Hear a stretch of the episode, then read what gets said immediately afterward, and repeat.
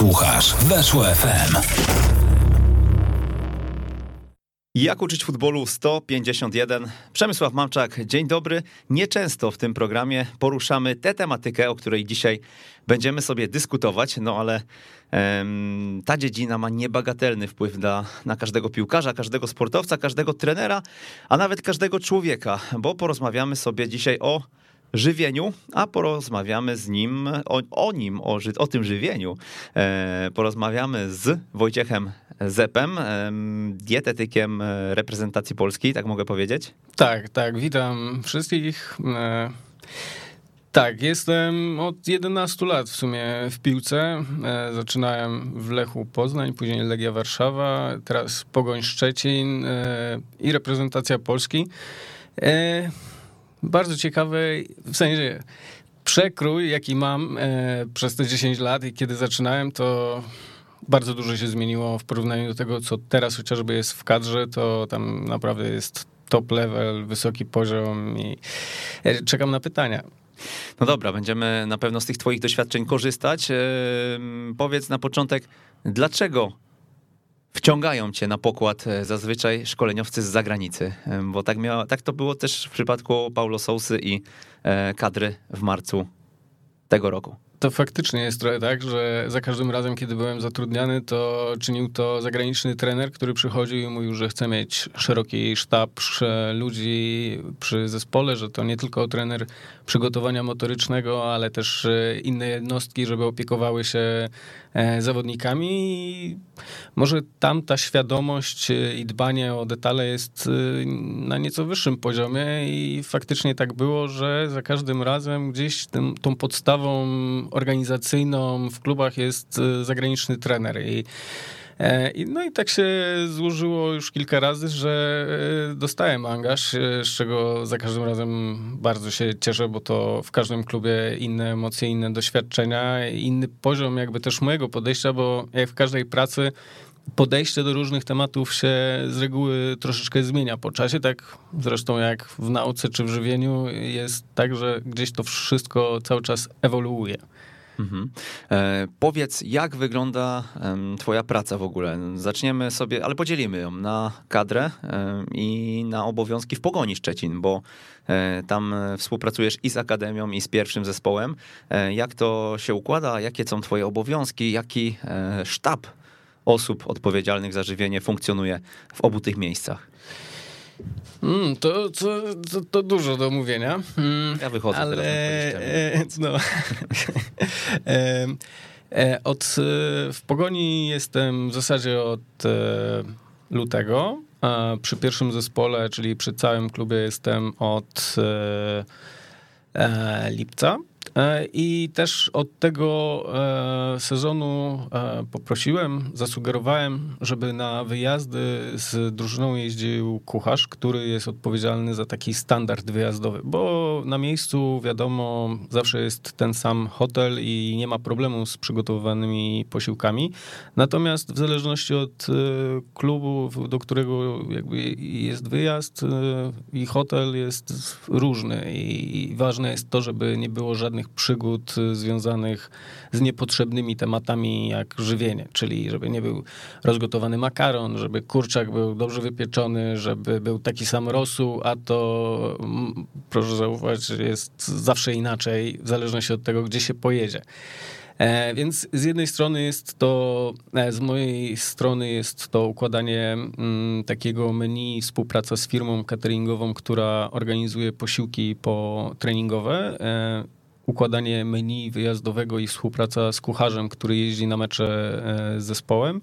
Jeśli tylko mogę, to jestem oczywiście też na meczach e, i później ta praca taka e, z zawodnikami, są tacy zawodnicy, którzy potrzebują zawsze trochę więcej i są tacy, którzy potrzebują trochę mniej. Są zawodnicy, którzy nie są przekonani do diety i uważają, że to, co robią, doprowadziło ich do takiego momentu w swojej karierze, że to im wystarcza i nie potrzebują dalszych bodźców w tym elemencie, żeby cokolwiek jeszcze zmienić. Ale część ambitnych e, zawodników oczywiście gdzieś tam stara się poszukać, albo są sytuacje, które sprawiają, że zaczynają szukać. Kontuzja, straczka przed meczem. E, w sensie są różne sytuacje, które gdzieś inaczej. Musi być, trudno jest gadać o, o żywieniu, ponieważ jest to 1500 różnych zagadnień i można o tym gadać przez dwa dni. Ale jeśli mamy problem, e, który ma bardzo proste rozwiązanie, to wtedy znacznie łatwiej zostaje w pamięci i jest łatwiejsze do realizowania niż e, mówienie o wszystkim. Mhm. E, no dobra, my na pewno sobie przejdziemy przez takie kluczowe, powtarzalne tematy dzisiaj, ale już, już jedna rzecz, która tutaj, która mnie tutaj zainteresowała, to jest coś, co o co na pewno chcę zapytać. E, powiedziałeś o tej różnorodności. Ja sobie myślę tak, była u nas w Akademii Weszło Junior Patrycja Jeziak kiedyś, był e, doktor Wiśnik Jak uczyć futbolu 52 odcinki temu, dokładnie rok temu. E, I każdy, i jesteś dzisiaj ty, i każdy mm, z was, nie wiem, dietetyków, osób zajmujących się żywieniem, ma trochę inną koncepcję. Organizm ludzki jest bardzo złożony, każdy człowiek odbiera inaczej i różne posiłki i to, co się dzieje wokół niego, bo mm, tak jak powiedziałeś o tej sraczce przysłowiowej, no to tutaj też pewnie mocno, e, mocno osobowość danej osoby, jakiś tam e, poziom przygotowania mentalnego, e, tego jak reaguje na stres ma wpływ, prawda? Czyli tutaj, tutaj no, no tych aspektów jest po prostu tak dużo, że ja rozmawialiśmy sobie przed audycją, im głębiej wchodziłem sobie w to żywienie kiedyś, jeszcze przed laty, tym, tym mniej, mniej wiem. Dokładnie I... tak jest. I to jakby pokazuje, że w ogóle teraz jakby ta dietetyka sportowa idzie w taką stronę, że mamy w ogóle rozróżnienie na e, suplementację i żywienie treningowe i suplementację, żywienie meczowe, zawody.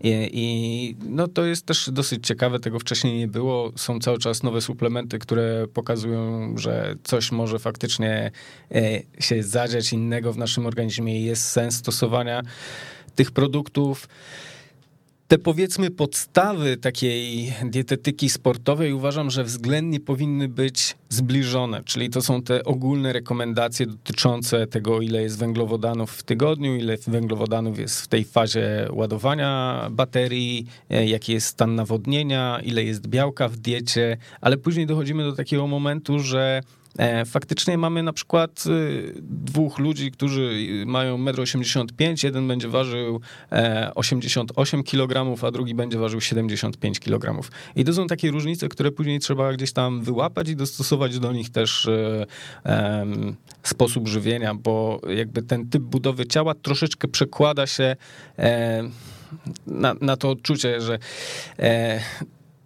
czasami trener przychodzi i mówi, ten zawodnik musi schuść, e, e, i, bo jest po prostu za gruby. E, I oczywiście to jest parafrazując e, klasyka, e, ale, ale no gdzieś e, to jest zawsze, nie, nie do końca zawsze jest to decyzja trenera. Ile zawodnik powinien ważyć? Powinien ważyć tyle, ile dobrze się czuje. Wiadomo, zawodnicy są też tacy, że to jest fajne w pracy takiej długoterminowej, że się pytam, co tam z wagą, jak tam? On mówi, super, idealna waga. Ja mu wtedy odpowiadam, no ale rok temu, w tym samym okresie, kiedy grałeś wszystkie mecze, było półtora kilograma mniej. To co się stało? E, no, no faktycznie muszę, a może, może coś zacznę z tym robić. E, bo to jest trochę tak e, właśnie, że gdzieś tam to, co jest teraz, jest najlepsze, ale pokazanie właśnie takiej historii czasami tego, że w którymś elemencie może być ciut lepiej, albo on tak już miał na przykład. To nie jest jakaś nie wiadomo jak kosmiczna cyfra, tylko po prostu tak miał. No i co się dzieje? A, no, faktycznie, może coś zaczniemy z tym robić. Nie? I wtedy to jest takie złapanie, że, że pokazanie, że faktycznie ktoś to śledzi, te wszystkie wyniki i wagi, które są z tygodnia na tydzień zbierane. Mhm.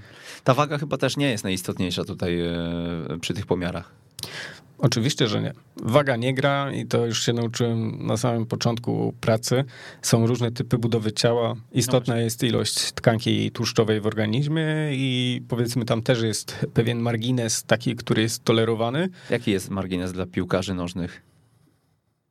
E, poziom tkanki tłuszczowej to zależy od metody, którą badamy. Ja na przykład badam najczęściej najprostsze urządzenie, które mogę wziąć ze sobą, czyli fałdomierz. I na podstawie fałdów skórnych można gdzieś e, oszacować, jaki jest procentowy zawartość e, tkanki tłuszczowej. Natomiast jest to tylko narzędzie gdzieś tam do mierzenia jakiegoś jakiejś historii i pokazywania, że są pewne zmiany i że było lepiej, albo jest trochę za dużo, albo jest bardzo dobrze.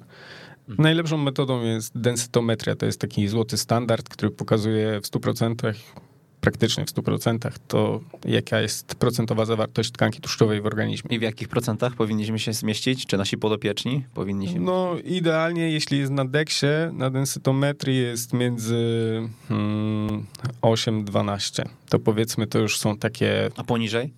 Źle? Poniżej y, delikatnie zwiększone ryzyko urazów, e, czyli ogólnie ta bardzo niska e, tkanka tłuszczowa wcale też nie jest super dla zawodników, ponieważ e, to fajnie wygląda, natomiast ryzyko kontuzji, bo hmm, mięsień jest w takiej można powiedzieć, poszewce, ma tłuszcz, który jest w środku, jest gdzieś tam takim izolatorem i takim do ślizgania, takim elementem zabezpieczenia. E, I, I tutaj jakby przy bardzo dużej intensywności i bardzo dużej liczbie meczów rozegranych, gdzieś to ryzyko uszkodzeń mięśniowych jest nieco, nieco wyższe, więc Później jeszcze też jest temat związany z hormonami, który może się zmieniać. Nie musi być wcale super niska. Dobra, Wojtek, mamy Neymar, ne, Neymar wcale nie ma niskiej tkanki tłuszczowej, prawda? Tak, y, mamy za sobą rozgrzewkę i lecimy teraz z konkretami. Powiedz mi, e, od czego trzeba zacząć? E, pamiętaj, że nasi e, słuchacze to głównie trenerzy piłki nożnej, więc postaramy się im pomóc i może tutaj jakieś proste rady, które będziesz w stanie przemycić, nawet nie wiem, dla czwartoligowców, zawodników w okręgówce. No za chwilę będziemy sobie starali to poukładać, ale powiedz, od czego ty zaczynasz? Przychodzą, przychodzisz do zespołu, mm, no i co? Zaczynamy od pomiarów pomiar tkanki tłuszczowej, masy ciała, ustalenie tego, czy to jest dobra waga, czy niedobra waga. No w sensie zawsze w kontakcie z zawodnikiem, jaka jest historyczna była waga. E, pokazanie tego, w jaką stronę może iść. E, to jest bardzo fajny jakby przykład i jakby zrozumienie trochę tematu, że jeden kilogram tłuszczu, który jest na przykład nad bagażem, to jest jakieś 8000 kalorii. Żeby przepalić 8000 kalorii, to w teorii nie trzeba nie jeść przez 3 dni. Więc ogólnie to jest y, dosyć dużo do przepalenia i w ciągu jednego, jednej sesji treningowej tak naprawdę spalam zawodnik 50-60 gramów tłuszczu.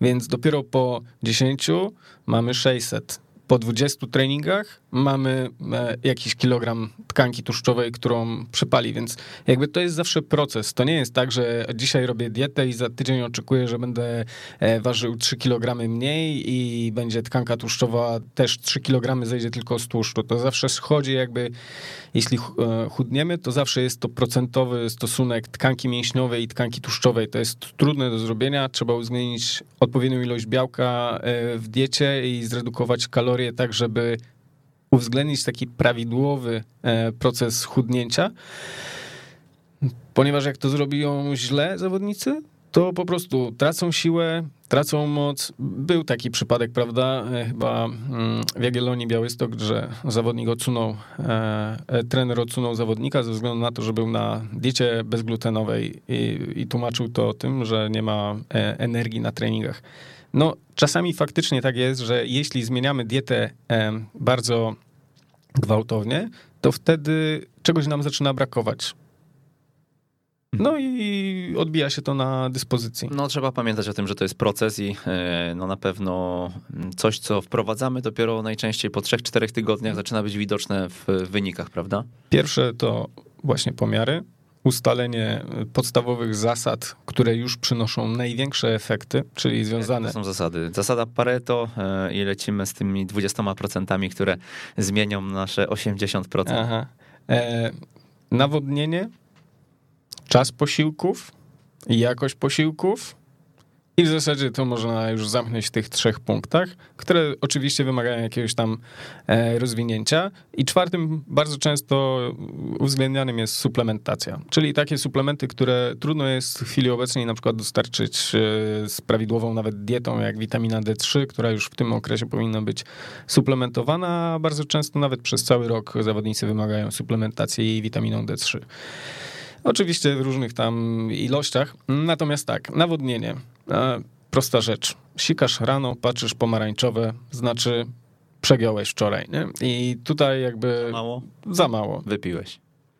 Można nadusić sobie na palec, wszystko jedno który. Jeśli powrót koloru trwa dłużej niż 3-4 sekundy, to znaczy też, że jesteś odwodniony. Bardzo prosta rzecz, która już od razu może pokazać, czy jest odpowiednia ilość wody. E, Czas posiłków to to, żeby były te posiłki co 3-4 godziny w normalnym dniu treningowym. Jeśli jest to bardzo okres przygotowawczy na przykład, albo ten dzień przedmeczowy, to posiłki powinny być co 2-3 godziny. To jeszcze czekaj, wrócimy do tego nawodnienia. Mhm. tak, jakie, jakie, jak oceniasz, ile trzeba wypijać e, dziennie wody? Indywidualnie 30 ml na kilogram masy ciała. To jest podstawa. Ważysz 80, 2,4. Mhm. Prosta kalkulacja, nie trzeba tutaj. E, później już tego się uczy i, i wiesz. Bardzo fajnym, zdrowym nawykiem jest picie szklanki wody zaraz po obudzeniu się. Czyli wstajesz, e, pół butelki wody, jedna szklanka i jest super. Doktor Można... Wiśnik mówił, żeby to była jeszcze też ciepła woda. E, powiedzmy w letnie, letnia woda temperaturze pokojowej, może być delikatnie Cytryną. ciepła.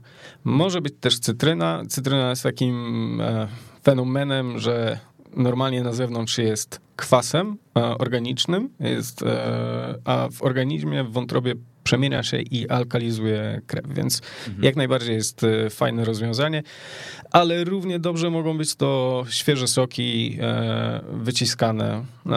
To też bardzo fajnie hmm, może działać jako to takie pierwsze nawodnienie, bo trzeba sobie zdać sprawę, że po 8 godzinach snu, 10 czy 11 od ostatniego posiłku, gdzieś organizm wymaga e, takiej rehydratacji. Wentylacja przez 8 godzin powoduje, że musimy e, się nawodnić i też ja dodam jeszcze, bo gdzieś tam nagrywałem na jakiegoś storiesa z miesiąc temu e, o aplikacji Watertime. Mhm. E, mega polecam, bo gdzieś nawet nie zdajemy sobie sprawy, jak duży wpływ ma na nas woda i mówiąc o sportowcach, to już w ogóle nawet nie chcę sobie wyobrażać, e, jak na organizm taki mocno przeciążony ma wpływ e, odpowiednie nawodnienie, natomiast nawet po sobie widzę, że to przypomnienie, kiedy przez co najmniej dwie godziny wody nie piję, e, jest takim dla mnie bodźcem, żeby jednak sięgnąć po e, szklankę z wodą i okazuje się, że po, później po, przy 3,5 litra dziennie e, tej wody fa faktycznie mogę, mogę funkcjonować na dużo wyższych obrotach i do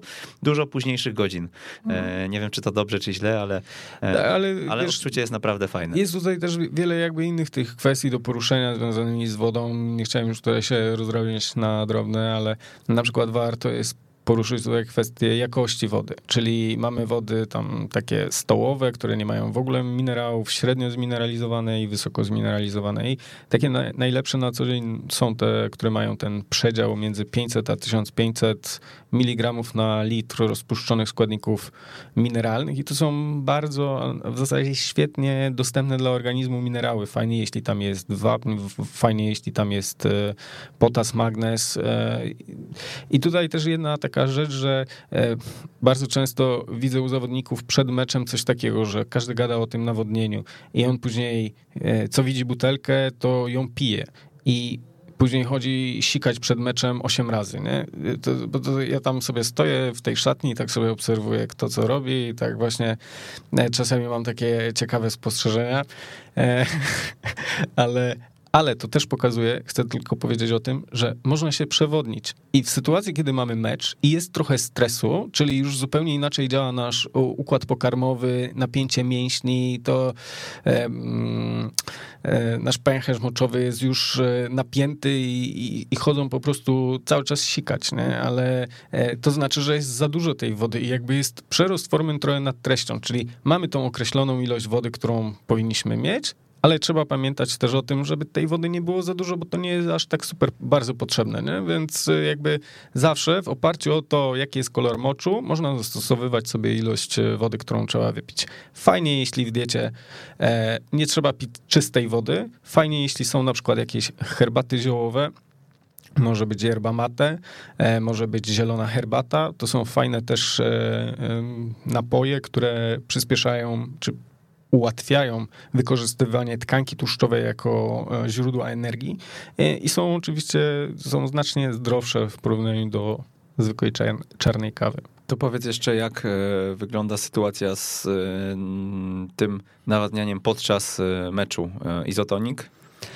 No idealnie, jeśli to jest izotonik, ponieważ słodkie napoje w trakcie wysiłku wydłużają jego trwanie i zwiększają obroty e, i, i, I to odczucie jakby zmęczenia związane z czasem trwania, czyli od tam 60 minuty, jest już zupełnie inne niż na początku meczu. I wtedy właśnie włączenie czegoś, co daje poczucie, tak, a bo zapomniałem powiedzieć, w naszej jamie ustnej są receptory smaku. Słony, kwaśny, gorzki, e, słodki. I właśnie jakby pobudzenie tych receptorów znajdujących się w jamie ustnej powoduje automatyczne wysłanie informacji do mózgu, że jest energia, jest w drodze, za chwilę będzie e, pełen gaz, e, jesteśmy gotowi, czekamy tutaj na spokojnie, będziemy jechali dalej na najwyższych obrotach. No i to właśnie mniej więcej tak działa. Były takie badania przedstawiające właśnie, e, co lepiej działa w trakcie długiego wysiłku. Woda, izotonik czy pukanie buzi słodkim napojem i picie wody. I wyszło na to, że izotonik znacząco poprawia e, możliwości wytrzymałościowe, ale bardzo podobny efekt jest przy samym pukaniu buzi słodkim napojem. I to jest właśnie jeden też z elementów, które gdzieś tam staram się zawodnikom nawet w trakcie meczu widzę, podchodzę z butelką e, słodkiego, staram się im tam wcisnąć. A on nie, nie, woda, woda, woda. A ja mówię, to weź spróbuj chociaż sobie tylko przepukać, możesz to wypluć, nieważne. Chodzi o to, że jak tu będzie, twój organizm odczuje, że idzie energia, to zupełnie inne będziesz miał odczucie zmęczenia. A wiadomo, no mecz nie wygrywa się przeważnie na początku samym meczu, tylko właśnie gdzieś w końcówkach jest to, że albo nas cisną, dociskają i już końcu gdzieś tam e, dobiją, albo, albo jest cały czas energia i, i można, można spokojnie sobie tam grać. Mhm. No to mm, niezłe sposoby na oszukanie naszego organizmu trochę. E, trochę oszukanie. E. Teraz jest jeszcze też taki nowy. Jeśli jest bardzo na przykład ciepło, to w buzi też są takie receptory dla różnych takich smaków. Są takie receptory na mentol. I podobno są takie, że jeśli weźmiemy, na przykład mamy warunki takie upału, czyli plus 30 stopni albo bardzo duża wilgotność i właśnie mentolowe olejki albo nawet pastylki albo takie wiksy zwykłe też ułatwiają oddychanie i zmniejszają odczucie gorąca w trakcie wysiłku. To też jest właśnie, to jest y, rzecz, która gdzieś tam pokazuje, że y, ten obszar jakby nauki się też zwiększa i zmienia cały czas i są coraz to nowe rzeczy, które możemy wykorzystywać. Mhm. E, no dobra, to mamy, jeszcze powiedz, jakie ilości tych e, płynów powinniśmy dostarczać e, w trakcie treningu czy meczu?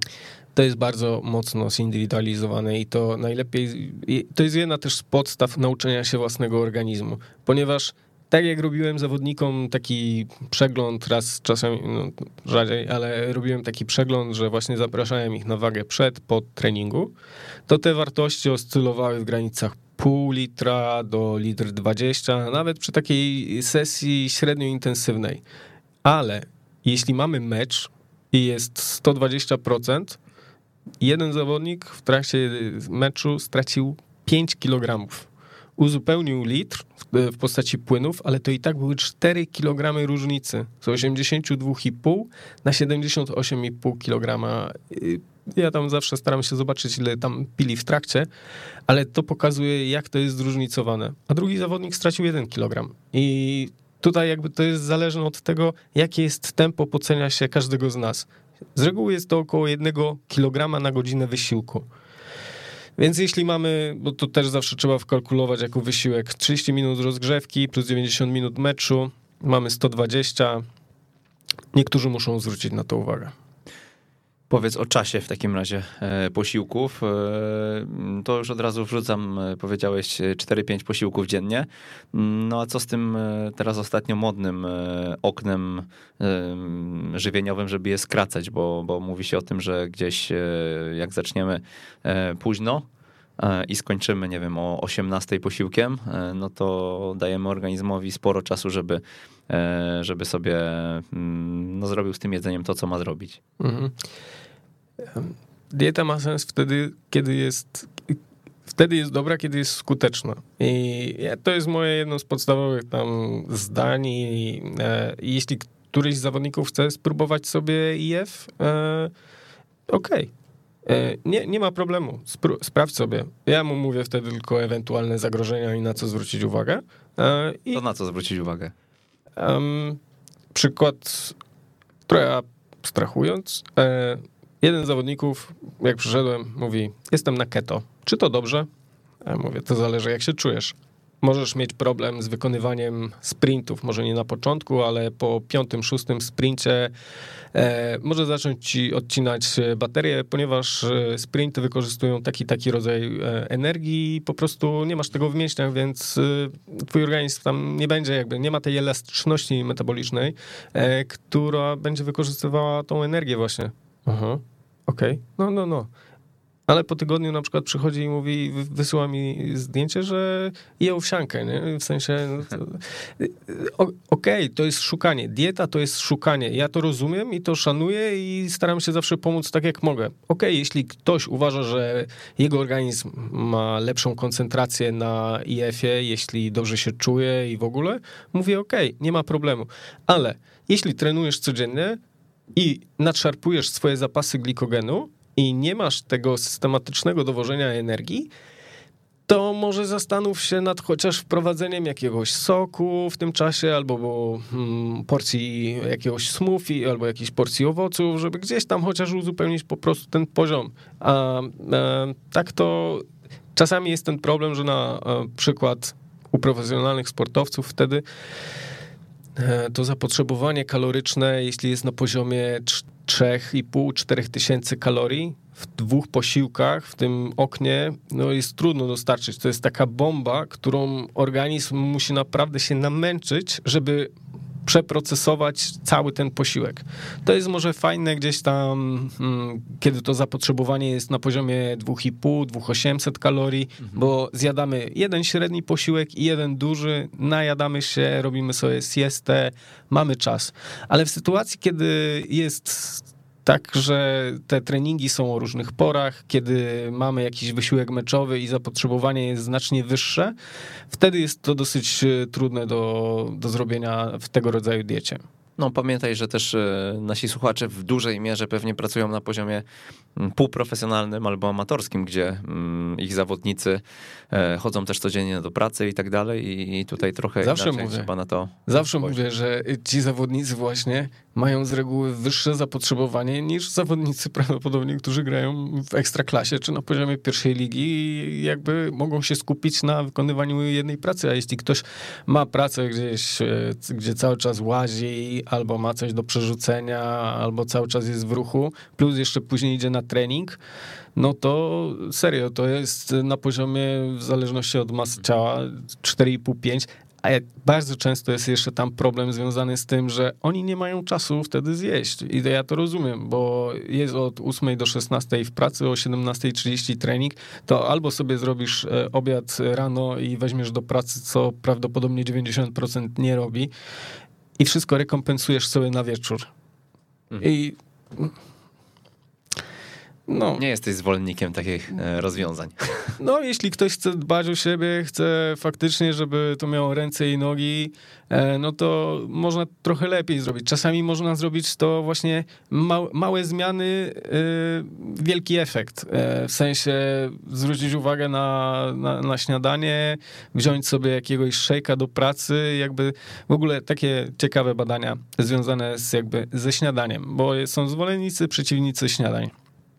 Badania na kolarzach, to prawda trochę inna działka, ale e, efekt taki, że jedni jedli śniadanie, drudzy nie jedli śniadania e, i wykonywali po południu trening. I ci, którzy nie jedli śniadania, ale zjedli tyle kalorii, ile powinni ta druga grupa, e, mieli znacznie wyższe odczucie poziomu zmęczenia w trakcie treningu i osiągali niższy, osiągnęli niższy poziom um, e, mocy i też mieli gorszy czas przejazdu w porównaniu do tych, co zjedli to śniadanie. Czyli to, ja to nazywam zawsze takim, taką regulacją metaboliczną, że jednak organizm czuje, że ta energia jest dostępna i potrafi wtedy lepiej działać. Wiadomo, zawsze można jechać sobie na charakterze i dawać siebie 100% i oni tego w ogóle nie potrzebują, ale dla większości gdzieś to jest potrzebne. No to dobra, twoje e, zalecenia takie fundamentalne do tego czasu. Cztery posiłki czy pięć dziennie? Normalny trening, cztery posiłki, e, przedmeczowo 5-6. E, mhm. Jak je podzielić? Co, co się dzieje w e, każdym z tych posiłków, może omówmy sobie. Okej, okay, mamy cztery posiłki. Może być piąty na przykład potreningowy w postaci jakichś węglowodanów albo szejka białkowego. E, chodzi głównie o to, żeby zabezpieczyć mięśnie. Z węglami sobie jesteśmy w stanie poradzić, bo ta intensywność treningów nie jest aż tak bardzo wysoka jak e, w trakcie meczu. No chyba, że mamy tam wtorek, środę w mikrocyklu, to gdzieś tam powiedzmy można delikatnie zwiększyć ich udział. Ale najważniejsze i nie każdy to z reguły robi, żeby zabezpieczyć mięśnie przed, do prawidłowej przebudowy. Czyli żeby i na śniadanie, obiad, kolację, i na jedną przekąskę, czyli to albo będzie drugie śniadanie, albo to będzie podwieczorek, albo to będzie jakaś wieczorna porcja jogurtów e, białkowych, albo shake białkowy, albo twaróg na przykład, albo serek wiejski, e, żeby były przynajmniej te cztery porcje, a po bardzo mocnym treningu nawet pięć porcji białka. I tutaj dochodzimy znowu do e, tego, kto co lubi. Czy będzie to tuńczyk, czy będzie to łosoś, czy będzie to kurczak, czy, czy będą to kalanosy. Nawet. Może drobiowe. E, ale, ale chodzi o to, że czasami ten jeden produkt czy posiłek nie ma aż takiego wielkiego znaczenia i też w zależności od tego, jaki jest cel diety, czy ma dawać efekt, czy w zależności od tego, jaki ma dawać efekt, czy to ma być redukcja masy ciała, czy to ma być performance, w sensie to w jaki sposób e, jest dysponowany na boisku.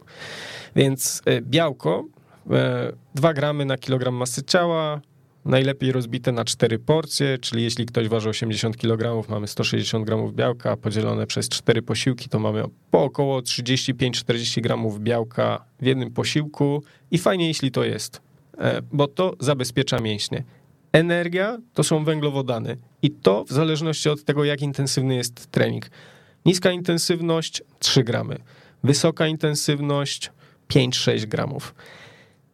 Mecz Skrzydłowy, napastnik może być 8-9 gramów. Środek pola potrzebuje tam 5-6, bo to też jakby doszliśmy do takiego... Specyfiki zależy. Tak, bo, bo nie będę gadał e, bramkarzowi, żeby robił sobie loading, prawda? Albo zawodnikowi, sto, stoperowi, który biega 9 km w trakcie meczu i wykonuje 3 sprinty, żeby... E, E, ładował się węglami, bo prawdopodobnie on tego nie potrzebuje w dużych ilościach, a to, co ma, to przy normalnej diecie mu wystarczy. Mhm. Ale mamy te newralgiczne takie pozycje, które wykonują tam 1000-1300 metrów na wysokiej intensywności e, po, na skrzydłach i, i, i z przodu, że oni potrzebują znacznie większej atencji żywieniowej i będzie to przekładało się na znacznie lepsze wyniki ich. Mhm. No dobra, a powiedz mi, e, rozumiem, że taki ten układ, e, o którym powiedziałeś, e, w każdym posiłku powinien występować. Jak do tego podejść praktycznie? Bo myślę, że większość naszych, naszych słuchaczy myśli sobie teraz, no znowu słyszymy te 2, 3 gramy, 7, 8, dobra, nawet tego nie liczę, ile, ile potrzebuję, bo no, no, na oko nie wiem, ile to jest, nie? No potem, nie wiem, jadę samochodem, biorę jogurt i nie myślę, czy tam jest 12 gram białka, czy 57 gram białka. Okej, okay, okay, rozumiem. E, prosta rzecz. Można zaangażować się przez tydzień i faktycznie sobie po, posprawdzać, kupić sobie wagę tylko dla takiego świętego spokoju, w sensie, żeby wiedzieć, co się je i ile się je, bo to często jest problemem. Mhm. Albo Na przykład y, wykupić sobie mm, jadłospis na określoną kaloryczność, żeby wiedzieć na przykład, ile wygląda dana porcja.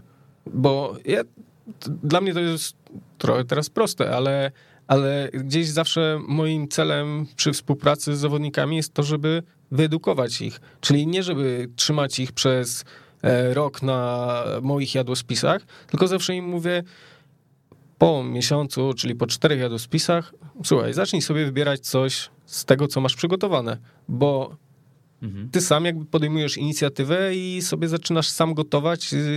W teorii te nawyki powinny być już nieco inne. Zobacz, jakie są porcje. Jeśli chcesz zjeść sobie w knajpie, zjedz sobie w knajpie tak, jak masz tutaj na talerzu w domu i wtedy wszystko będzie ok. Nieważne, gdzie będziesz jadł i nieważne, co będziesz jadł.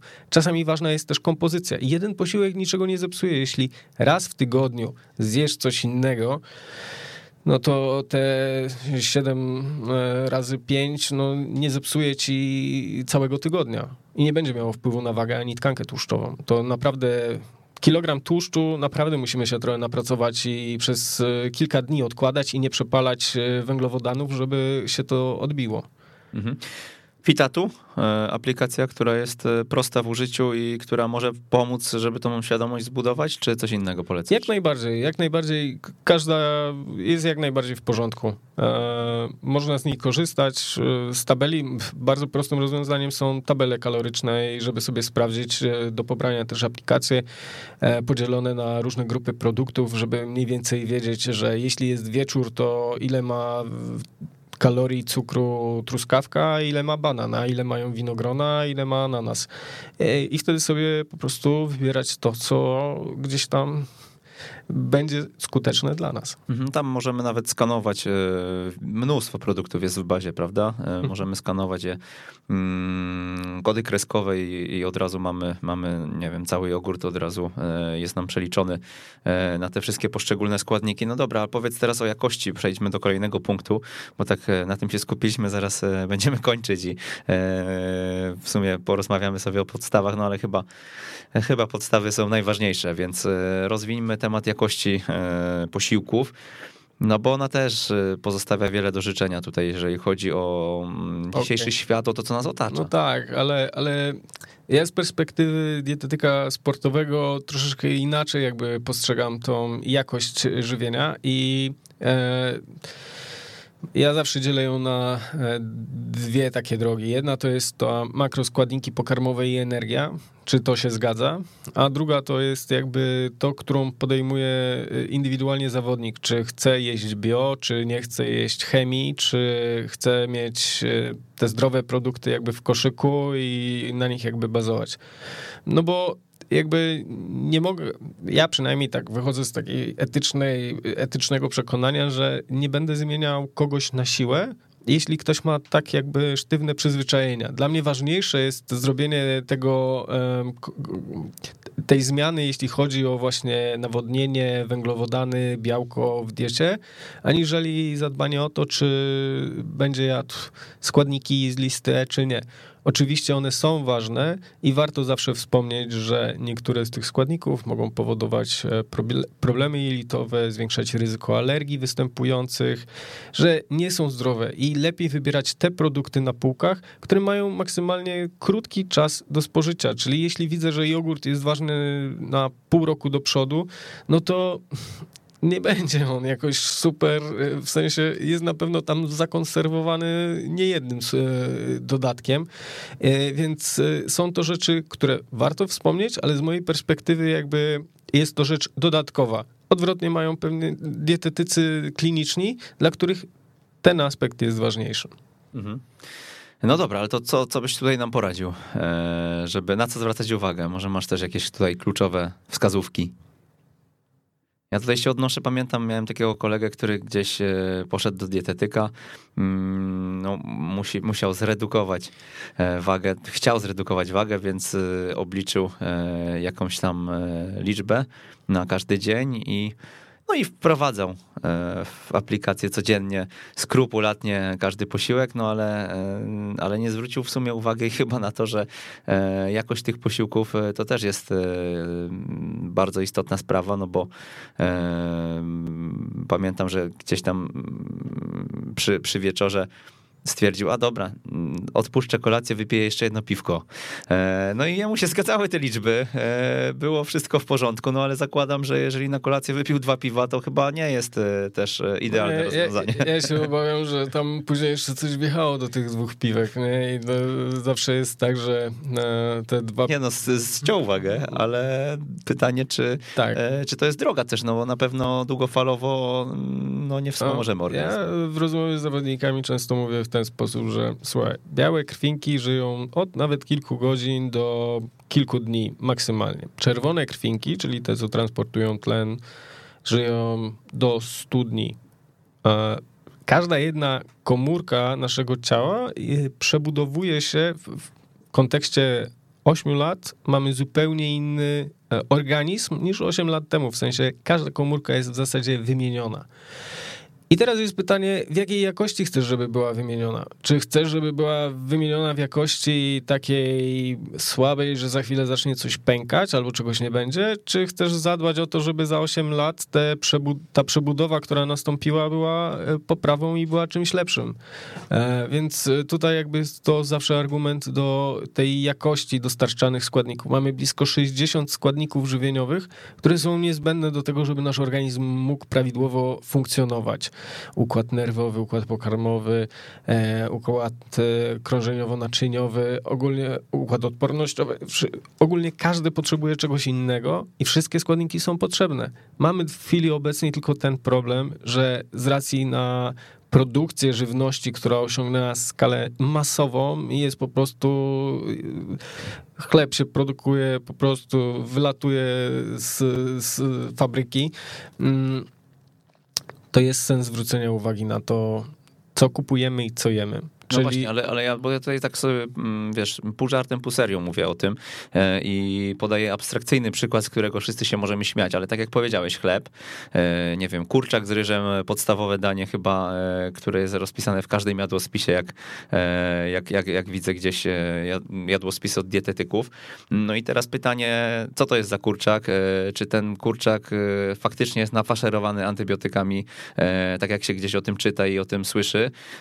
Czy ten chleb chleb e, to jest e, pszenica taka, która, mm. która wiesz, już z pszenicą nie ma za wiele wspólnego. No i no tutaj, i tutaj dzisiaj to. jesteśmy w takim miejscu, że ja szczerze mówiąc, no nie wiem na co zwracać uwagę i czy mogę, nie wiem, dodać sobie keczupu, czy to już jest sam cukier, czy to jest bardzo szkodliwe dla mnie, czy nie.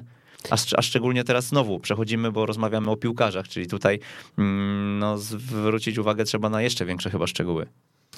Dobrze, jeśli jest uwzględniona e, jakość tego jedzenia i od czasu do czasu, jeśli jest możliwość kupienia sobie czegoś ekologicznego albo gdzieś e, dostawy gdzieś tam ze wsi od babci, chociaż to i tak nigdy nie wiadomo, czym to sąsiad tam podsypywał to, co rośnie obok, prawda? I no jakby ja może odpowiem w inny sposób do momentu, jak poszedłem na studia, byłem bardzo rygorystyczny, jeśli chodzi o wszystko związane z jedzeniem. E, zero fast foodów, zero e, chipsów, coli, słodkich napojów. Nic, nic nie jadłem, byłem bardzo jakby zafiksowany na tym punkcie. Ale w momencie, jak poznałem to od środka, ile czynników ma na to wpływ, jak jest e, jakby produkcja różnych produktów, jakie są konserwanty i co oni z nami jakby robią i, i jaką my mamy opcję, to po prostu zacząłem tak być bardziej wyluzowany na tym punkcie i bardziej tak to, y, że okej, okay, jesteśmy w stanie coś zrobić, ale wszystkiego i tak nie uda się zrobić, więc pytanie, czy y, w sensie mm, chcemy być ortodoksami takimi i, i walczyć z każdym złem tego świata, że to, to jest złe, czy je tak troszeczkę wyluzować i powiedzieć, no okej, okay, no staram się, ale w chwili obecnej wiele więcej zrobić nie można, nie? I nie wiem, co z tym zrobić fantem. No dobra, no to teraz powiedz, y, wchodzi Wojtek Zeb do e, sklepu i na jakie czynniki e, zwraca uwagę, żeby mm, to minimum e, jakości, ten minimalny poziom ustalony w, okay. przez ciebie został spełniony? Dobrze.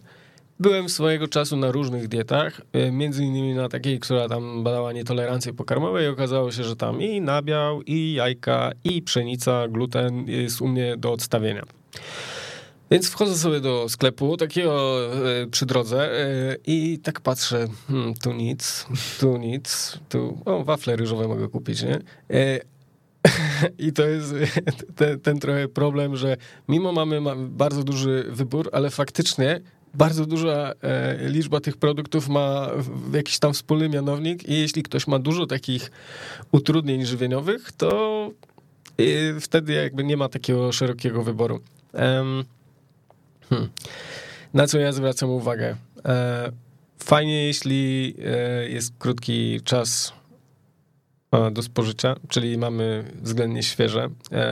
Z warzywami fajnie, jeśli są z upraw ekologicznych, bo tutaj jakby ma to znaczenie, jeśli chodzi o zawartość składników mineralnych, antyoksydantów, które są w warzywach, w owocach, ponieważ zależy do jakości gleby, na której rosną. A jeśli mamy jakąś tam szklarnię podsypywaną jakimiś różnymi dodatkami, no to wtedy to nie jest w ogóle wartościowe. Nie wiem, czy zauważyłeś, jak smakują teraz pomidory.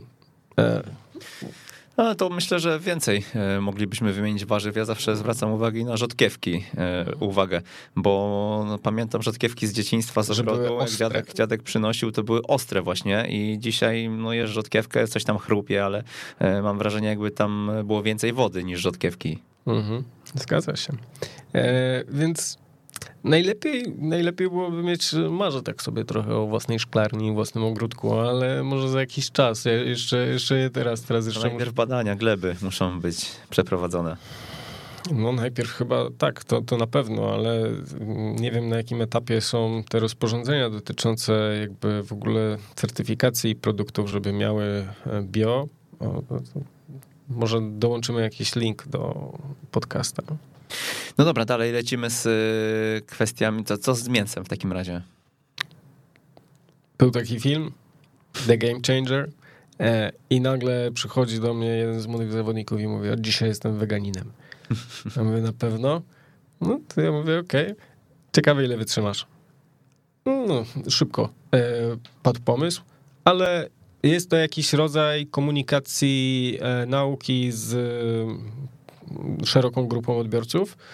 Może nie nauki, może takiej quasi nauki trochę, bo nie wszystkie jakby te rzeczy, które są przedstawione są super jakby hmm, wartościowo zrobione, dokładnie zrobione e, i jest trochę jakby naciągane z tej perspektywy, że oni na samym w ogóle początku mówią o plant-based diet, czyli dieta oparta o warzywa, i w której nie ma jakby, nie wyklucza się tam mięsa.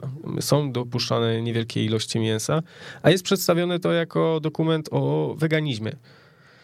No więc jakby Okej, okay, może, może być takie przełożenie. Mamy teraz zmiany klimatyczne, różne historie związane z jakby kosztem produkcji wołowiny, wieprzowiny, kurczaka i ilością białka, które pozyskujemy z nich.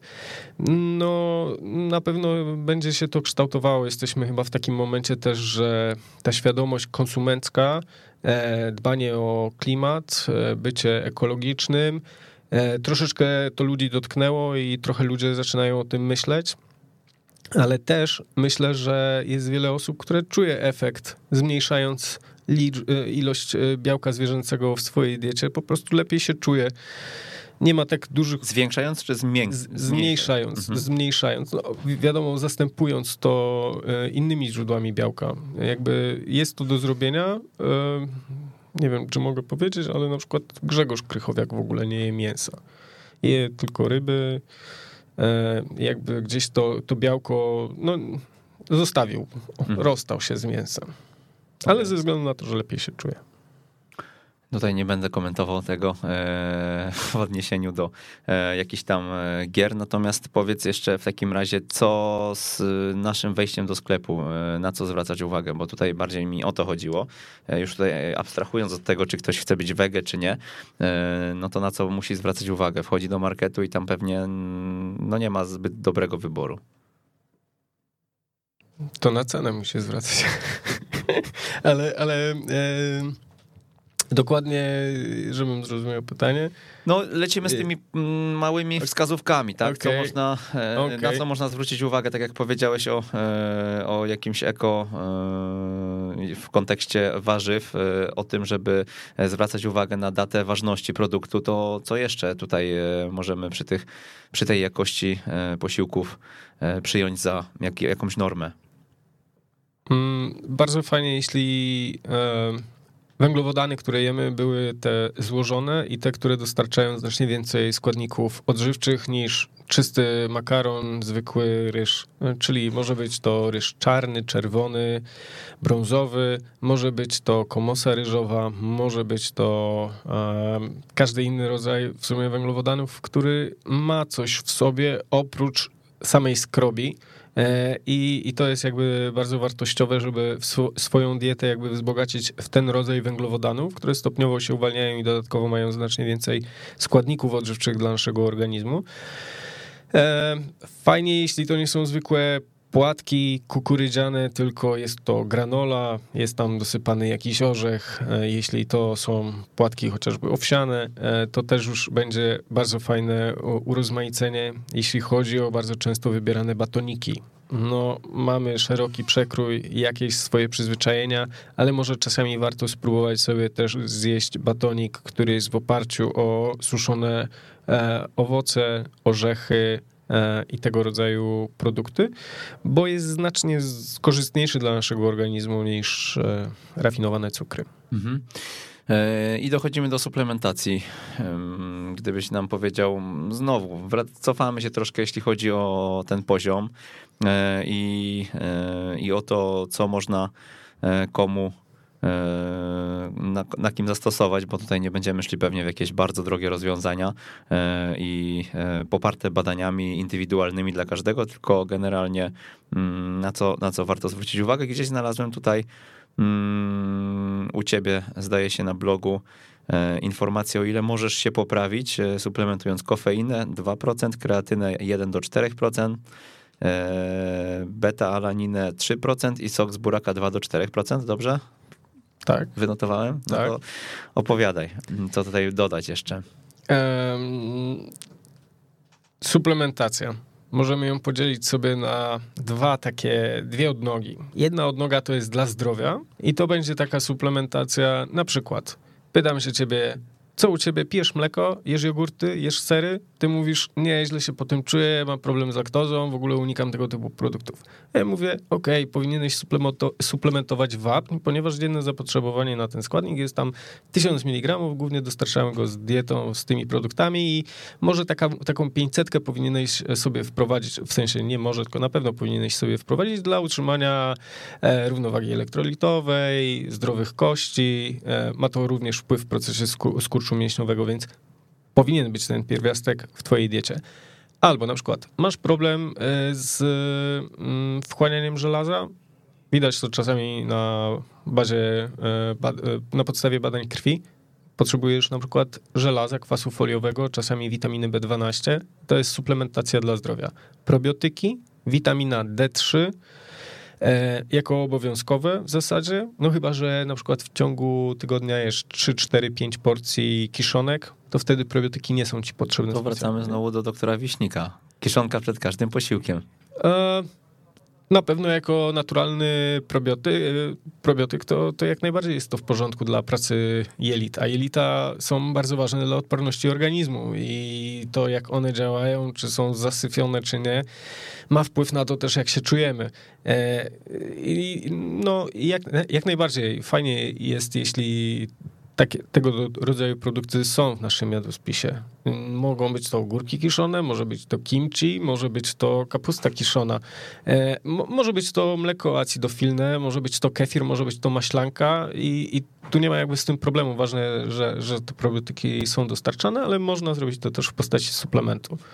A powiedz, jak ty w ogóle patrzysz na to, e, na co dużą uwagę pamiętam zwracał e, doktor, powołując się na ten odcinek, na to, w jakiej kolejności spożywamy dane, dane mm, potrawy. On tam się powoływał na biochemię i na, e, na tą naukę gdzieś tam o organizmie, o, to, jak, o tym, jak on reaguje na poszczególne rzeczy i, e, i opowiadał, e, pamiętam, że, że, że u niego po prostu w domu najpierw przynosi się po dwie łyżki mm, tej kiszonki, mm, później wjeżdża surówka na stół i dopiero później są kolejne, kolejne elementy i no, no nie jest to powiedzmy coś co jest e, często spotykane pewnie, bo zazwyczaj na jednym talerzu e, mamy ziemniaki z kotletem, a nie, e, a nie podajemy tego osobno, prawda? Mhm. E, ogólnie gdzieś tam nie słuchałem tego odcinka, nadrobię obiecuję, E, ale gdzieś z jakiejś tam historii, jakby doświadczenia mojego, e, ta dieta rozdzielna powstała gdzieś w Stanach Zjednoczonych w 1920 którymś e, i chodziło głównie o radzenie sobie z osobami otyłymi i dotyczyła jakby rozdzielania posiłków między węglowodany tłuszcz, z białkami, żeby nie łączyć, że to źle dla organizmu.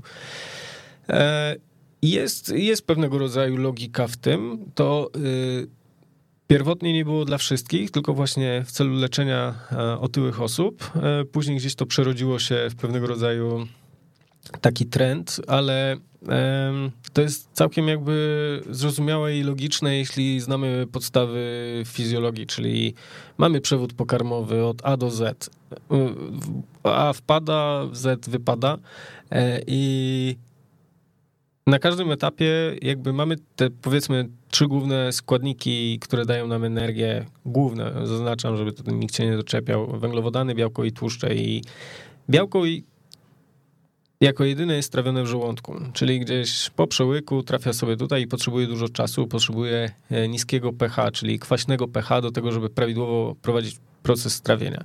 Natomiast węglowodany zaczynają się trawić w jamie ustnej, natomiast dokańczanie tego trawienia jest e, w jelitach.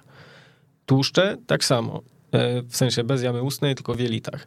I teraz w sytuacji takiej, że łączymy wszystko razem, to możemy gdzieś tam zapchać jakby tą drogę i tą, ten przepływ e, i proces, proces trawienia, czyli taką prawidłową kolejność i szybkość tego trawienia. E, największy błąd jedzenie słodyczy, owoców e, po dużym posiłku. E, czyli tak, zjadamy sobie na przykład kotlecika i, i on potrzebuje jakichś 4-5 godzin do tego, żeby w pełni się strawić i zniknąć z żołądka. Na co wrzucamy sobie dwie garści e, winogron, które zawierają proste cukry, i nagle nie wiemy, dlaczego wyglądamy jak bańka, nie? Że ponieważ jakby w niskim pH węglowodany, które są e, w winogronach, zaczną fermentować. I nie dość, że mamy zły proces trawienia e, węglowodanów winogron, to jeszcze mamy nadmiar produkcji gazów, które gdzieś tam wypełniają jelita. Ale ja zawsze daję taki przykład proszę jechać do Włoch, usiąść sobie w knajpie i zamówić, poprosić o kartę i zamów sobie jedzenie. No to oni tam nie przynoszą ci głównego dania razem z e, makaronem czy, czy ryżem, czy z risotto, tylko po prostu wszystko serwują po kolei. Zaczynają od przystaweczki, następnie wjeżdża pasta albo risotto, a na samym końcu wjeżdża mięso lub ryba, z dodatkiem gotowanych warzyw, bo to jest właśnie prawidłowy przebieg tego procesu naszego trawienia. Więc jest jakiś sens y, jakby w kolejności jedzenia, w zależności od tego, czy mamy też jakiś problem, czy, czy, czy mamy nadmiar gazów y, w organizmie. Więc jak najbardziej można stosować coś takiego, z uwzględnieniem, że białko jest na samym końcu. Wojtek, powiedz, jakie są najprostsze elementy do poprawy, do których y, zainspirować może trener? Zawodnika. I tutaj możemy też to rozdzielić na zawodnika w piłce dziecięcej, jeżeli mhm. będą jakieś różnice. O, zapomniałem w ogóle y, powiedzieć fajnej, wydaje mi się fajnej rzeczy i takiej dosyć y, istotnej z mojej perspektywy i Ostatnio w Polsce jest bardzo popularny temat y, wieku biologicznego. I, I, ja mam też jakieś tam swoje przemyślenia, bo często trafiają właśnie te. Jak pracując w akademii, robię sobie taki e, przegląd e, zawodników i zawsze staram się w pierwszej kolejności nie tych grubszych wyłapywać, tylko właśnie tych, którzy są mniejsi. i zastanowić się, dlaczego tak jest. E, wiadomo, że tutaj jakby jest polemika z mm, lekarzami i, i, trudna jest to jakby droga taka do, do pogadania, natomiast y, ja staram się w ten sposób pracować, że staram się rozmawiać w pierwszej kolejności z tymi chłopakami, ponieważ prawdopodobnie to, że nie dojadają, mają złe nawyki żywieniowe, gdzieś organizm ich e, sprawia, że może nie wchłaniają, nie trawią. Z czegoś to wynika, że są nieco relatywnie opóźnieni e, biologicznie w swoim rozwoju. I zawsze staram się tam troszeczkę podkręcić, żeby organizm dostał taki bodziec e, energetyczny, kaloryczny, białkowy, żeby odczuł, że już może jakby się rozwijać, bo, bo to jest takie zawsze pewnie z pogranicza genetyki, hormonów, ale też jedzenia. A jedzenie jest bardzo często powiązane z zaburzeniami żywienia, czyli wybiórczością pokarmową, Czasami wchodzi w grę na przykład brak kontaktu z rodzicami, że te chłopaki są gdzieś e, daleko od domu. E, wiele jest tych czynników, ale to jest fajny jakby element, żeby nie zrzucać wszystkiego na geny, jak to jest prosto, proste do zrobienia, tylko właśnie zwracać uwagę nie na tych, co mają za dużo, to później, powiedzmy tam od 15-16 roku życia, ale w tych młodszych kategoriach fajnie jest zwracać uwagę i, i, troszeczkę e, nakierowywać na to, że e, żeby był prawidłowy rozwój. Najprostsze elementy, które może. Bardzo, bardzo podobał mi się, e, podobają trenerzy, tak jak Aleksander Wukowicz, że bardzo zawsze zwracał uwagę, Henningberg też, bardzo zwracał uwagę na regenerację. Po każdym meczu, jak było tam blisko do kolejnego meczu, zawsze jakby była ta informacja, że zadbajcie o dobrą regenerację, albo przychodził do szatni i mówił, najpierw się napijcie, zjedzcie żel, e, za chwilę pogadamy, czy wszyscy są e, w porządku do, do, do drugiej połowy. E, I, I fajnie jest w prosty sposób zwrócić na to uwagę przez trenera, bo to jest najczęściej autorytet, którego nikt nie podważa i którego każdy słucha i czasami jedno zdanie potrafi zmienić bardzo dużo. Zjedzcie dzisiaj dobrą kolację. Albo zjedzcie sobie dzisiaj spaghetti. I większość posłucha, bo to mówi trener. To, to jest y, u większości, w większości kategorii najważniejsza osoba w zespole, który każdy słucha. I, i, i to jest fajne, jeśli w prosty sposób y, można, można zwrócić uwagę, zjedzcie to, albo w sensie węglowodanowe, albo jest to fajna rzecz, którą zawsze trener może troszeczkę podkręcić e, i zwrócić na to uwagę. Kto co zrobi z informacją, to już jego e, wybór, ale na pewno część posłucha, bo zawodnicy po prostu czasami zapominają. Mhm. To jakie jeszcze e, porady może usłyszeć poza takimi, no, no, no tym zwróceniem na to uwagę, że to jest ważne, tak? E, zawodnik? Mhm. E, na meczu czy na treningu? Dowolnie, w całym procesie e, szkoleniowym. Prowadzimy zawodnika, no widzimy się z nim kilka razy w tygodniu na treningach i e, całą możemy podpowiedzieć. Okej. Okay. E, trener jest zawsze też takim sitem trochę jakby dyspozycji zawodnika i widzi, czy ktoś jest na mm, bieżąco, w sensie jest dobrze przygotowany, czy nie. E, I, wtedy fajnie jest po prostu dać mu informację, że słuchaj, widzę, że ostatnio coś zjazd formy. Zawodnik zawsze mówi, nie, nie, trenerze, jestem na 100% gotowy, ale może zadbaj o siebie, nie wiem, zjedz lepiej coś e, albo pogadaj z profesjonalistą, e, zadbaj o siebie, że może potrzebujesz trochę innego podejścia niż cała reszta e, zawodników, bo jednak nie każdy będzie odpowiadał w ten sam sposób na te środki treningowe, które, którymi operuje trener. I jeden może czuć większe zmęczenie, a drugi zupełnie coś innego. Więc tutaj jest dobrze, żeby nie skupiać całej um, wiedzy w sobie, tylko dawać proste komunikaty, a najlepiej, żeby po prostu odesłać do odpowiedniej osoby, bo e, trener nie powinien zajmować się wszystkim, tylko swoją działką i w większych klubach są ludzie od odpowiednich obszarów e, odpowiedzialnych, do których zawodnik może się zwrócić. No to jeszcze mm, nie wiem, czy jesteś w stanie to podrzucić, ale e, najprostsze posiłki, które dla piłkarza będą odpowiednie, dla większości piłkarzy będą odpowiednie i które możemy też no, niskim nakładem sił i czasu utworzyć. Zależy od tego, kto co lubi, ale na przykład y, kurczak w sosie słodko-kwaśnym, okej, okay, mała ilość tłuszczu, dużo węglowodanów, białko jest. Jeśli nawet jest trening, powiedzmy, o średniej intensywności, domowy burger, nie ma z tym najmniejszego problemu. Nie musi być mięso wołowe, jeśli ktoś ma problem z jakąś tam ciężkością po, po wołowinie. E, może być to burger e, z indyka i to jest naprawdę wtedy mało kalorii, smaczne i nie stwarza problemów i może wejść. Dieta powinna być kompatybilna z tym, co lubimy. E, nie każdy lubi to samo, więc e, czasami Mm, jest, są proste rozwiązania, o których nie myślimy albo nie mamy na nie czasu, a może warto je wprowadzić. Tortille, e, burrito, e, to są takie rzeczy, które zawodnicy lubią, i ja uważam je też w odpowiednich ilościach, że są ok w diecie, jeśli... Ja myślę, że sporo warzyw możemy e, Tak, można tak? dodać kukurydzę, fasola, e, można do tego dodać e, sałatkę obok i, i, i, wszystko jakby się zgadza, jeśli chodzi o kalorie, makroskładniki pokarmowe, gęstość odżywczą posiłków, więc to nie musi być nic nie wiadomo jak wymyślonego, albo mającego nie wiadomo jak E, rozbudowaną taką podstawę naukową, bo i tak będzie działało. Tak podsumowując e, Twoją wizję, odpowiednie proporcje makroskładników to jest chyba klucz. Tak. E, to jest najważniejsze nawodnienie, energia, ilość dostarczanej energii, ilość białka, ilość węglowodanów dostosowana do tego, jak intensywny jest trening i jak długo trwa, i tłuszcze, które są takim czynnikiem bilansującym całkowite zapotrzebowanie kaloryczne.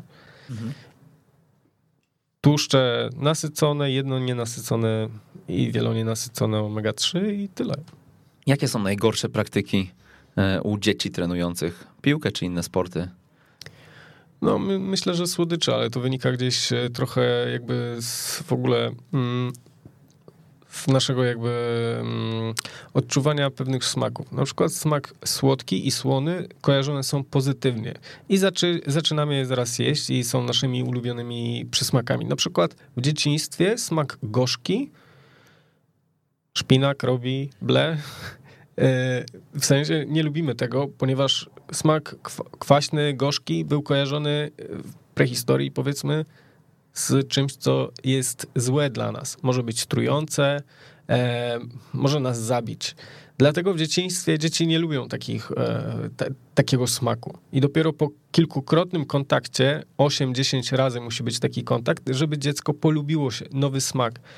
E, więc Rodzice, zresztą też jestem rodzicem, idą bardzo często trochę na łatwiznę, że jednak nie mając czasu albo inne obowiązki, to gdzieś za, zapominamy i nie próbujemy, a może to też jest trochę błąd, żeby jednak e, starać się forsować po, po kolei, wprowadzać nowe, nowe. My się bardzo cieszymy, że nasz młody gdzieś tam próbuje coś innego, bo jeszcze ma taką wybiórczość pokarmową bardzo mocną, e, ale no, co zrobić. E, ale, ale tak, słodycze i to dążenie do zaspokojenia potrzeb dziecka przez dawanie mu tego, co ono chce, a nie wymyślanie swoich rozwiązań, które są znacznie lepsze od tego, co zna. Bo tak samo jest trochę z zawodnikami, ale dzieci to bardzo podobny temat, że lubią to, co znają. Nie lubią testować nowych rzeczy, tylko najlepiej jakby biorą to, co, co, co już dobrze jest dla nich poznane. Wojtek, przygotowałeś dla naszych słuchaczy prezent, e, który będzie takim suplementem pewnie do naszej rozmowy. Co to będzie? Tak, jakiś czas temu wydałem książkę Futbol, żywienie i suplementacja piłkarzy razem z Filipem Borysem, który jest e, e, teraz dietetykiem w Legii Warszawa przejął jakby moje obowiązki w klubie. E, I e, jeden z Jeden z e, rozdziałów przygotuję w postaci PDF-a, żeby każdy mógł się z nim zapoznać i zobaczyć, z praktycznego punktu widzenia, jak to wygląda. Wybierzemy najpra najpraktyczniejszy e, dla piłkarzy i dla trenerów piłki nożnej rozdział. E, no i ten rozdział będziecie mogli otrzymać e, w naszym newsletterze ekstratrener.pl ukośnik newsletter. Tam szczegóły, jeżeli jesteście zapisani, otrzymacie link do pobrania bezpośrednio, oczywiście mailem jak zwykle. Więc zachęcam, żeby sobie to uzupełnić i powiedz jeszcze, gdybyś miał podpowiedzieć też naszym słuchaczom, e, skąd czerpać wiedzę, bo dzisiaj ja myślę, że no, nie wiem, czy jest druga taka dziedzina jak e, żywienie, e, która jest tak zróżnicowana. W internecie dzisiaj trafiamy na informacje no, wzajemnie sobie zaprzeczające. I teraz komu wierzyć? Mhm. Dlaczego właśnie tej stronie? Jak do tego podchodzić? Kim ty się inspirujesz? Gdzie szukasz informacji na ten temat? E, no tak, ale to wynika też z tego względu, że mamy taką bazę artykułów medycznych, takich, które powinny gruntować naszą wiedzę.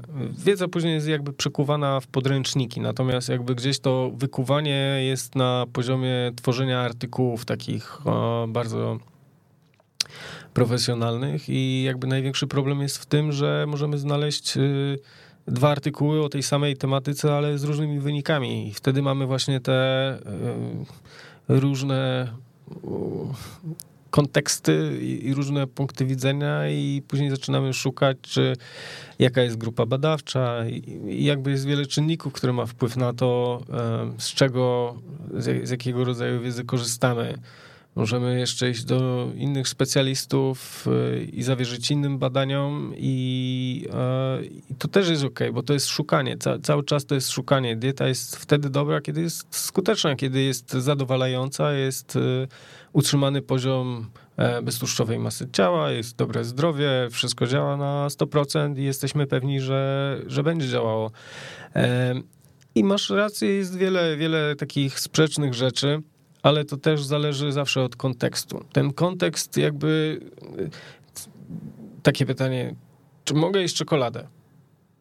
Możesz, bo to zależy nie czy ty zjesz czekoladę, tylko co jeszcze zjesz w ciągu całego dnia, ile kalorii dostarczysz, ile tam będzie węglowodanów i tłuszczu w pozostałych posiłkach. To jest jakby wyrywane z kontekstu, wyrywany z diety produkt. To może być taki, taka, taka rzecz, czekolada 60-80% kakao jest super. Jest czynnikiem, jest, zawiera w sobie adaptogeny, które poprawiają wręcz e, zdolności adaptacji do wysiłku fizycznego, więc nie rozumiem dlaczego nie. Może nie białą czekoladę, może stopniowo przejść z 40 na 80-60%, to już będzie znacznie lepiej dla twojego zdrowia. Więc jest bardzo dużo tych kontrowersji. Ja polecam oczywiście swoją stronę, e, Żywienie Mistrzów, e, swoją książkę, Futbol, jest e, jeszcze jeden, jest Marcin e, Jackowiak, który też gdzieś działa na w piłce nożnej. Jest Sylwia Maksym, która działa z, w reprezentacji kobiet z piłkarkami. Jest Filip, jest e, w Legii Warszawa, ale to, to razem próbujemy coś działać, ale ostatnio widzę, że bardzo jest pochłonięty pracą, może przez te wyjazdy i, e, i, i duże zawirowania. Akademia Dietetyki Sportowej ostatnio przestała trochę, istnieje w innej jakby formie, jest, pewnie większość zna, chłopaki też dobrze się znają na temacie, nieco w innym jakby kontekście, bardziej ze sportami siłowymi. E, dietetyka nie na żarty. E, no i to, to są takie, takie strony, że, e, że jestem, że jak często czytam i uczestniczę w dyskusjach, bez o czym podyskutować. Okej, okay, e, to um, powiedz jeszcze o um, mitach żywieniowych utrwalonych przez media. E, mamy jeszcze chwilkę na to. E, znalazłem gdzieś taki materiał u ciebie właśnie na blogu. No i wymieniłeś sześć mitów. Pieczywo, a głównie węglowodany są szkodliwe w każdej ilości. Mit numer jeden. No. Potwierdzasz. Tak. To ja przeczytam te wszystkie potwierdzę. No, nie no, to ludzie potrzebują prostej e, informacji. Tak, nie. I trudno jest im czasami zrozumieć, że e, coś może być albo takie, albo takie, bo wtedy jest dysonans. Jak to? No, no tak to, no. Yy, mogą być. Łatwo jest ludziom na przykład podjąć dietę redukcyjną, zaczynając właśnie od pieczywa. I to pokazuje ich błąd, bo oni wrócą i tak do tego pieczywa. I lepszym rozwiązaniem jest to, że oni sobie po prostu zmniejszą ilość pieczywa w ciągu dnia, albo na przykład powiedzą, jem pieczywo tylko na śniadanie, a wieczorem już go nie jem. Bo prędzej czy później dieta ich będzie w rozsypce i wrócą do starych nawyków. Celem diety jest stworzenie takich nawyków, które prowadzą do utrzymania masy ciała i zdrowia. I to jest podstawa. I do radzenia sobie z tym, co się dzieje. Czyli wyjeżdżam na narty, e, będzie zapotrzebowanie kaloryczne bardzo wysokie, to muszę sobie zadbać. Jem wtedy większe śniadanie, biorę coś na stoki i wieczorem e, sobie coś innego jeszcze zjem, ale uwzględnia to jakby koszt energetyczny związany z pracą w ciągu całego dnia. I jakby to jest jakby mój, e, mój ideał jakby diety, w sensie widzę w tym sens, że to jest radzenie sobie w sytuacjach, kiedy coś musimy dostosować, musimy coś zjeść. Nie z przyzwyczajenia takiego, że codziennie robię to i to, tylko na zasadzie wczoraj się zajechałem, dzisiaj zjem sobie omlet e, na słodko, bo tu jest więcej białka i to będzie lepsze dla moich mięśni. Mhm. Albo wczoraj był upalny dzień, dzisiaj kupię sobie muszynę albo muszyniankę, albo dosypię sobie elektrolitów do a, picia, albo wypiję sobie chociaż ten jeden raz sok, a nie na zasadzie, że piję codziennie karton soku jabłkowego. To jest 500 kilokalorii, czyli w zasadzie dla większości osób to jest jedna, to jest 25% zapotrzebowania kalorycznego z prostych cukrów. Więc to jest właśnie to jest dieta, to jest sposób żywienia i zrozumienie go. Podejrzewam, że te wszystkie mity e, będą, odpowiedź będzie ta sama e, i będziemy mogli ją dopasować, czyli rozwaga. Ja je w takim razie wyczytam, a może ty do którego... Wszystko w ograniczonych ilościach mhm. jest w porządku. W sensie, no, proszę, czytaj.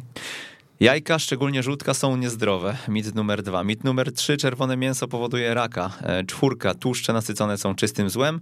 Piątka. Sól powoduje wysokie ciśnienie krwi i należy jej unikać. I szóstka. Zbyt dużo białka może prowadzić do uszkodzenia kości i nerek. No i tutaj to chyba co powiedziałeś, czyli um, nie to, co jemy, ale tego, jak dużo e, jemy, jest mhm. chyba kluczem, tak? Na przykład, jeśli chodzi o jajka, mówimy, że to jedno jajko praktycznie to jest 80-90% dziennego zapotrzebowania na cholesterol. Ale nikt nam nie mówi już na przykład tego, że 90% e, cholesterolu, który powstaje, który krąży w naszej krwi, jest naszej własnej produkcji. Cholesterol jest potrzebny do utrzymania stanu naczyń krwionośnych i jeśli naczynia krwionośne są uszkodzone, on je wyściela, on je łata jak tęk i on jest potrzebny. I jajka tutaj wiele nie zmienią, nawet jeśli zjesz y, pięć jajek, y, to nie podbije jakoś znacząco twojego poziomu cholesterolu. Poziom cholesterolu może być y, wysoki ze względu na kilka innych rzeczy. Na przykład zły stan wątroby też może mieć wpływ na wysoki poziom cholesterolu. Alergie pokarmowe, nietolerancje pokarmowe mogą mieć wpływ. Wiele czynników może mieć na to wpływ. Więc nie obwiniałbym tutaj jajek jako, jako jakiś tam zło demon cholesterolowy. Tak jak często mówimy w Jak uczyć futbolu o kompleksowości, to tutaj e, w kontekście, w ujęciu naszego organizmu to jest chyba e, to jest chyba słowo klucz. E, no dobra, to jeszcze dopytam cię o te jajka, bo pamiętam też, znowu się cofnę o rok, pamiętam też o tym, że dla mnie to była zła informacja, bo strasznie e, lubię właśnie omlet e, na śniadanie. Mm, a doktor Wiśnik powiedział o tym, że mm, no jajko pod żadnym pozorem w tej postaci. Mam nadzieję, że tutaj nie przekręcam, ale to on, e, on mi to chyba powiedział, że jajecznica czy, czy, czy omlet poprzez temperaturę, no to już nie jest to, czego oczekujemy od jajka i jajko jak już to tylko na miękko Trudno jest mi się odnieść. Naprawdę mhm. nie, znam tutaj teorii pod, pod wytłumaczenie tej zasady. E, Wydaje mi się, że chodziło po prostu o wartościowość tego białka, ale, ale też. No e, to też żółtko, żółtko to jest głównie procentowa zawartość, jest głównie z tłuszczów.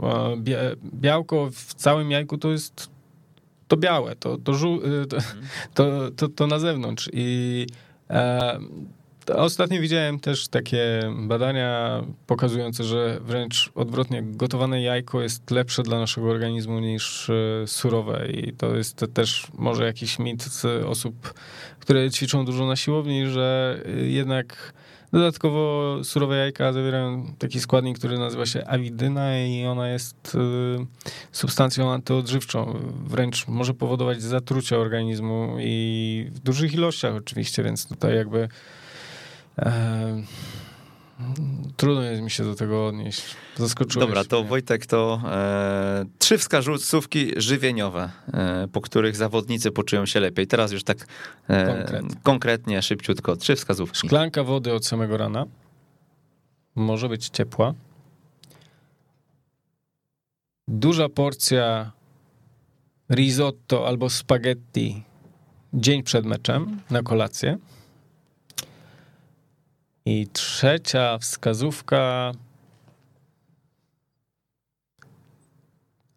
Trzy do pięciu razy w tygodniu kiszonki.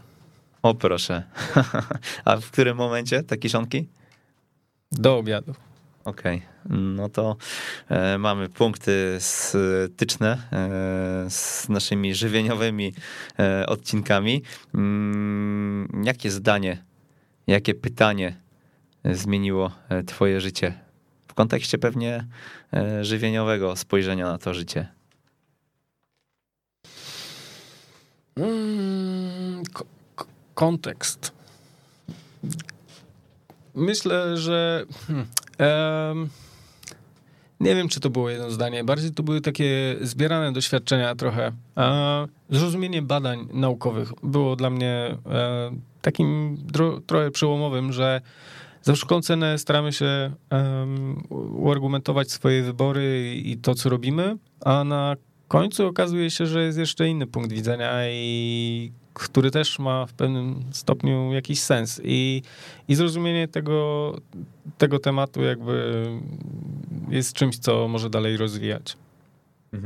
A powiedz mm, na kadrze, e, jak sobie nie wiem, czy takie rzeczy możesz wyciągać, ale świadomość Roberta Lewandowskiego, który jest Bardzo e, no właśnie tak jest postrzegany na pewno. E, To jest człowiek, od którego ty się możesz uczyć, czy jednak e, bez przesady? Ja mogę obserwować. W sensie mm, rozmawiam, rozmawiałem, nie za dużo, ale rozmawiałem z Robertem y, na temat tego, jak, jak funkcjonuje.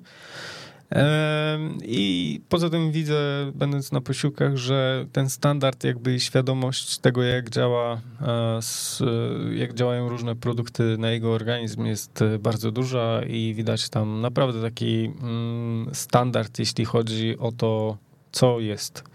To jest bardzo fajna rzecz, jeśli chodzi, jeśli działa, to nie zmieniasz. E, I, I fajnie jest mieć taki standard, że wiesz, jak dany produkt, dane danie będzie na ciebie działało.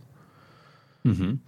Mm, No dobra, to jakie ty masz cele, jakie ty masz e, plany w kontekście, nie wiem, najbliższej przyszłości? Czy, czy mm, miejsce, w którym jesteś, to już jest taki sufit dla dietetyka sportowego? Em, Jesteś w reprezentacji, tak? No i może też jeszcze opowiedz, jak zdążymy chwilkę o tym, jaki to jest rynek, jak e, tutaj dostać pracę. Mm, Może od końca.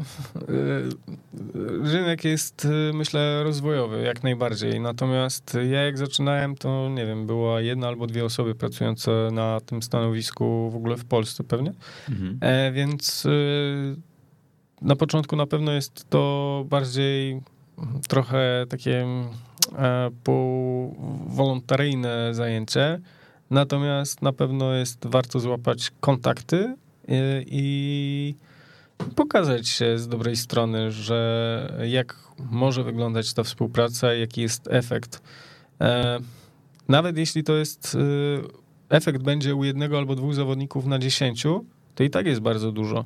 Jeśli y, włączenie dietetyka do sztabu, czy może być to na zasadzie jednego, dwóch dni w tygodniu, albo nawet po prostu osoby, która jest do odpowiedzialności za, za kogoś i nie ma tematu, że zawodnik nie miał do kogo się odezwać, dlatego przytył 8 kg, no to jest sens, żeby taka osoba funkcjonowała. Warunki są jakby tutaj już dogrywane indywidualnie. Może być odpowiedzialny za plan suplementacji, może być odpowiedzialny za e, opiekę dietetyczną, ustalanie planów żywieniowych, e, wysyłanie menu do hoteli. Jest jakby trochę tej pracy jest e, takiej bardziej organizacyjnej i później też wyobraź sobie, no 20 zawodników i każdy chce plan indywidualny na tydzień. Więc jesteś na pół etatu, no to jest trudne do zrobienia, chyba że po prostu idziesz na łatwiznę i każdemu wysyłasz to samo. No to, to okej, okay, nie? Ale, ale tutaj jest bardziej budowanie takiej świadomości, edukacja zawodników, co może być ważne, kiedy jest ważne.